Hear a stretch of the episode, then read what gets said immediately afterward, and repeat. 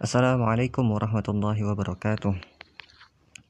Alhamdulillah segala puji bagi Allah yang telah memberikan yang telah memberikan segala nikmatnya kepada kita sehingga kita bisa berpuasa di bulan Ramadan kali ini dan melaksanakan segala ketaatan, memperbanyak amal soleh sehingga meningkatkan ketakwaan kita kepada Allah Subhanahu wa taala.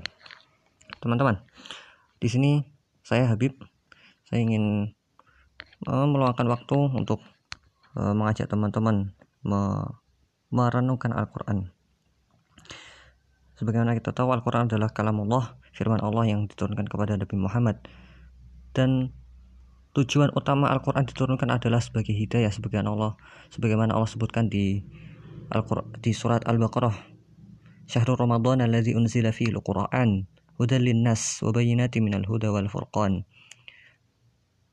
yaitu bulan Ramadan yang diturunkan di dalamnya Al-Quran sebagai, sebagai petunjuk dan penjelasan bagi petunjuk itu dan juga pembeda. Jadi di antara fungsi utama Al-Quran adalah hidayah. Jadi penting bagi kita karena Al-Quran itu adalah hidayah, penting bagi kita untuk selalu merenunginya, selalu mendengarkan nasihat-nasihat di dalamnya agar kita bisa bisa tahu jalan yang harus ditempuh dalam kehidupan ini. Baik, uh, insya Allah uh, saya akan meluangkan waktu selama bulan Ramadan ini uh, uh, untuk menemani teman-teman sekalian membaca Al-Quran. Dan panduan yang kita pakai adalah terjemahan Al-Quran secara umum saja. Dan saya akan menambahkan penjelasan-penjelasan yang perlu yang rasanya di, yang rasanya diperlukan uh, untuk kata-kata yang yang rumit di dalam penerjemahannya atau dalam bahasa Arabnya sendiri. Uh, jadi intinya yang kita pakai adalah terjemahan Al-Quran secara umum. Kita tidak menggunakan tidak tidak mem, mem, memegang uh, kitab tafsir secara khusus. Jadi kita pakai pakai terjemahan dan teman-teman bisa uh, sambil me, memegang terjemahan yang tersedia untuk teman-teman bisa pakai Al-Quran mushaf tercetak ataupun pakai aplikasi Android atau iPhone yang yang bisa teman-teman akses.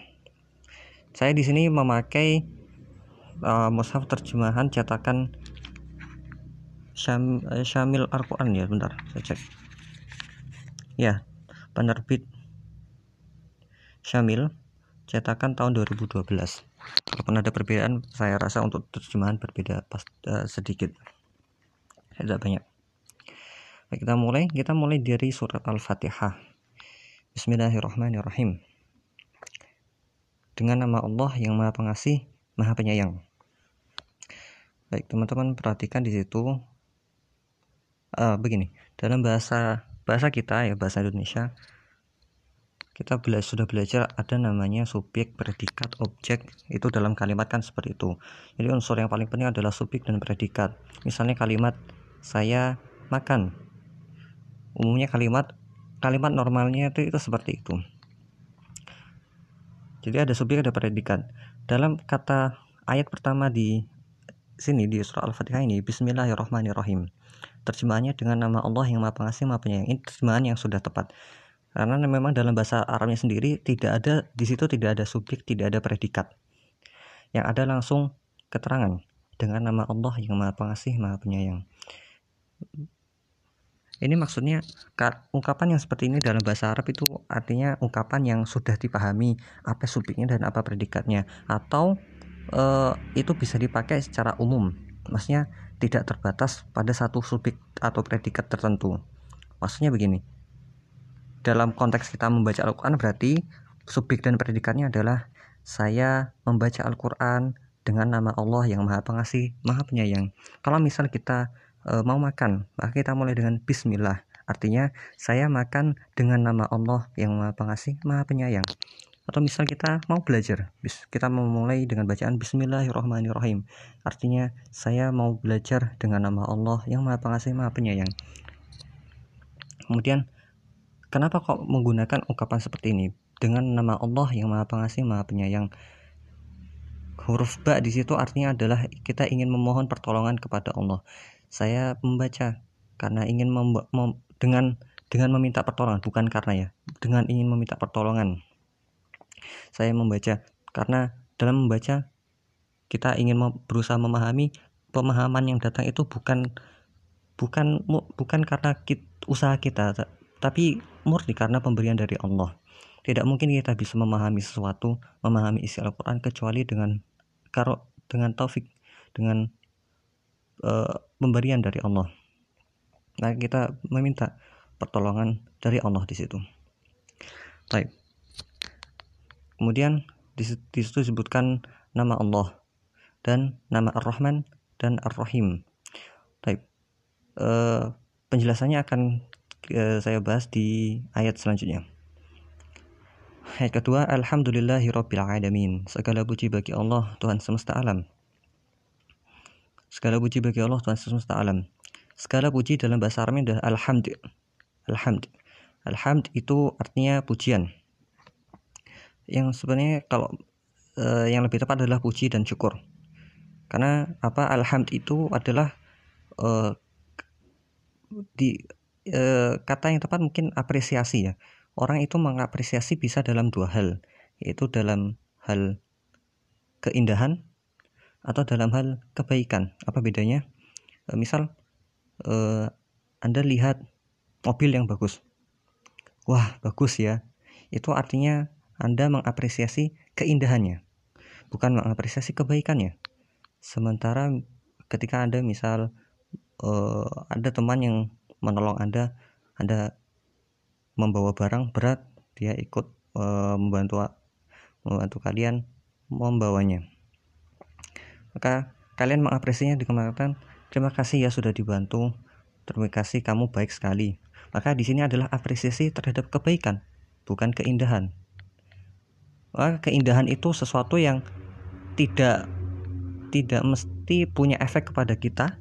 Sementara kebaikan itu adalah sesuatu yang punya efek kepada kita. Itu namanya hamd pujian dan puji dan syukur segala puji dan syukur kita kita ungkapkan kita bacakan kepada Allah. Segala puji bagi Allah segala puji milik Allah. Karena apa? Karena kita mengenal Allah itu dari ciptaannya. Dan semua ciptaan Allah itu bisa di, di satu sisi itu indah dan sisi yang lain itu bermanfaat untuk kita. Apa pun yang Allah ciptakan di bumi ini berupa makanan, berupa uh, apa pun ya, tumbuhan, tempat tinggal, gunung-gunung, sungai, air, udara, apa pun itu indah dan bermanfaat untuk kita. Dan nanti ketika kalau uh, Allah mengizinkan kita sampai di ayat ayat ke-30 di surat Al-Baqarah. Saya akan jelaskan sedikit bahwa meskipun ada ciptaan Allah yang secara secara kelihatannya itu buruk misalnya cacing ular atau macan hal-hal yang tampaknya buruk di satu sisi memang demikian tapi di sisi lain tetap ada kebaikannya uh, keindahannya untuk kita. Ada fungsi yang yang ingin dicapai dari ciptaan-ciptaan yang seperti itu maka Allah dipuji untuk perbuat untuk perbuatan ciptaan penciptaannya yang indah dan yang bermanfaat untuk kita kemudian disebutkan nama Allah Segala puji bagi Allah. Sebab ini surat Al-Fatihah adalah surat yang pertama disebutkan di Al-Quran. Uh, oleh karena itu pantas rasanya bagi siapa yang berbicara itu mengenalkan dirinya. Alhamdulillahirobbilalamin. Maka yang perlu kita kenal pertama kali yang perlu kita kenal adalah dari Allah adalah namanya yaitu nama Allah. Nama utama Allah adalah Allah itu sendiri. Tidak ada nama yang lebih utama daripada nama ini. Maka Allah disebut ketika Allah disebut maka lebih pantas disebut dengan nama Allah. Kita tidak menggunakan nama-nama yang diada-adakan seperti seperti orang-orang ateis menggunakan nama misal uh, uh, materi inti atau orang-orang filsafat yang memakai nama kausa prima atau kausa mayor sebab utama kita tidak menggunakan nama itu. Allah sendiri mengenalkan dirinya dan beliau dan dia bukan beliau ya dan dia menggunakan memi, me, menamai dirinya Allah. Kemudian Allah lanjutkan segala puji Allah Tuhan seluruh alam Rabbil Alamin. Setelah Allah mengenalkan namanya, Allah mengenalkan jabatannya, Allah mengenalkan posisinya, Allah mengenal, mengenalkan kedudukannya, yaitu sebagai Rabbil Alamin. Ya ini normal. Kalau kita seseorang itu mengenalkan dirinya, maka kita maka dia pasti mengenalkan namanya dulu, baru mengenalkan profesinya. Misal, halo, uh, halo, saya Habib, saya adalah seorang pelajar. Misalnya seperti itu. Tidak mungkin uh, orang tiba-tiba mengenalkan dirinya langsung profesinya. Halo, saya seorang pelajar. Tidak mungkin seperti itu. Yang dimaksud dengan Rob, kata Rob yang diterjemahkan Tuhan. E, kata Tuhan itu ada dua kata dalam bahasa Arab yang sama-sama ke bahasa Indonesia diterjemahkan Tuhan, yaitu Rob dan Ilah. Padahal dua kata ini berbeda, berbeda maknanya dan berbeda konsekuensi e, pemahamannya kata Rob itu kalau dalam bahasa Arab ya kalau tidak dipakai untuk Allah kata Rob itu bisa dipakai untuk manusia itu artinya adalah majikan. Majikan orang yang memiliki sesuatu. Uh, umumnya bukan umumnya ya bisa dipakai untuk pemilik budak. Robbul Abd pemilik budak atau pemilik apa pun. Misalnya pemilik buku pemilik mobil pemilik rumah. Pemilik rumah disebutnya Robbul Bait. Pemilik mobil Robbus Sayyarah atau Rob uh, ya Robbus Sayyarah. Pemilik uh, buku Robbul Kitab, tapi umumnya tidak dipakai seperti untuk buku ya. Cuma Malik itu pemilik. Untuk Rob yang lebih sering dipakai adalah untuk Robbul Abd, pemilik budak. Maka di sini Allah sekaligus menekankan hubungan kita dengan Allah. Allah adalah Rabb dan kita adalah budak. Rabbul Alamin. Alhamdulillahi Rabbil Alamin. Segala puji bagi Allah, Rabb seluruh uh, Tuhan semesta alam. Rabb semesta alam, seluruh alam. Al-Alamin. Uh, sebelum saya jelaskan hubungan kita dengan Allah tadi, saya jelaskan dulu makna al-alamin. Al-alamin itu adalah isim jamak. E, bentuk tunggalnya adalah alam.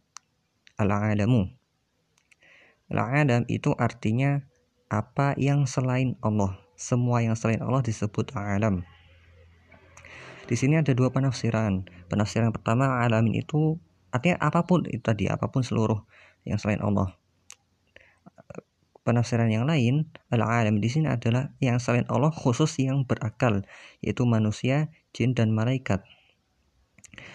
Saya saya sendiri cenderung kepada penafsiran yang kedua ini karena di sini menggunakan e, jamak yang khusus untuk yang berakal. Sem ada bentuk jamak yang lain yaitu al-awadim.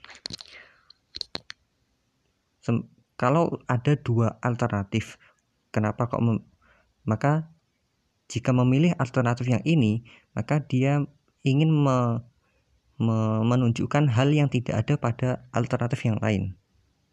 Jika jika kita punya dua pilihan A dan B, kita kok memilih A, maka karena di situ ada yang tidak dimiliki oleh B. Begitu. Kata ala alamin di sini memakai jam, uh, jamak disebutnya jamak mudzakkar salim. Jamak mudzakkar salim hanya untuk yang berakal. Demikian walau alam tanpa tanpa mengatakan bahwa yang berpendapat itu adalah selain Allah untuk semuanya termasuk apa pun ciptaan yang tidak berakal misal batu pohon uh, pohon juga berakal uh, ya pohon tidak berakal batu hewan gunung tanah air dan apa pun itu termasuk di sini namun uh, melihat konteks pembicaraan di surah Al-Fatihah ini saya lebih cenderung kepada pendapat bahwa ini adalah uh, alam yang dimaksud adalah alam yang selain Allah yang uh, terbatas pada yang berakal. Segala puji bagi Allah Tuhan seluruh alam. Maka di sini Allah mengenalkan hubungan antara antara dirinya dengan kita manusia dan juga jin dan juga malaikat yang berakal. Allah mengenalkan hubungannya, apa hubungan apa hubungan antara kita dengannya. Dengan mengetahui hubungan ini kita kita jadi kita harus me, me apa istilahnya mengingat baik-baik konsekuensi dari hubungan itu. Misalnya hubungan antara ayah dan anak. Di situ ada konsekuensi. Misal anak harus taat kepada orang tua. Orang tua harus memberi nafkah kepada anak. Hubungan suami istri. Hubungan antara rakyat dengan pemimpin. Hubungan antara guru dengan murid. Hubungan antara atasan dengan bawahan dalam pekerjaan dan organisasi. Di situ ada hubungan dan ada konsekuensi dalam hubungan-hubungan itu. Konsekuensi antara hubungan kita dengan Allah, kalau Allah adalah Rob, maka kita adalah budak. Yang namanya budak itu tidak punya jam kerja. Dia menjadi budak 24 jam sehari. Dia menjadi budak saat dia bangun dan saat dia tidur. Saat dia makan dan saat dia di kamar mandi. Saat dia bersama orang ataupun saat dia sendiri. Maka dia adalah budak bagi Rob. dan yang namanya budak itu adalah milik, adalah milik, adalah properti. Maka Allah sebagai pemilik berhak berbuat apa pun kepada apa yang dimilikinya. Kalau Allah senang, Allah memberinya sesuatu yang lebih. Kalau Allah tidak senang, maka Allah bisa berbuat semaunya tanpa mendolimi siapa pun. Karena Allah tidak berbuat zolim. Ini yang perlu diperhatikan hubungan kita dengan Allah. Dan dalam perjalanan kita membaca Al-Quran, merenangi Al-Quran dalam perjalanan kita hidup di dunia ini maka kita kita perlu selalu mengingat-ingat mengingat baik-baik hubungan kita dengan Allah ini kemudian Ar-Rahman Ar-Rahim yang maha pengasih maha penyayang Dua kata ini memiliki akar kata yang sama, yaitu huruf ro, ha, mim. Rahmah. Kata ini punya saudara dekat yaitu kata rahim. Rahim itu rahim ibu tempat bayi tumbuh sebelum dia dilahirkan.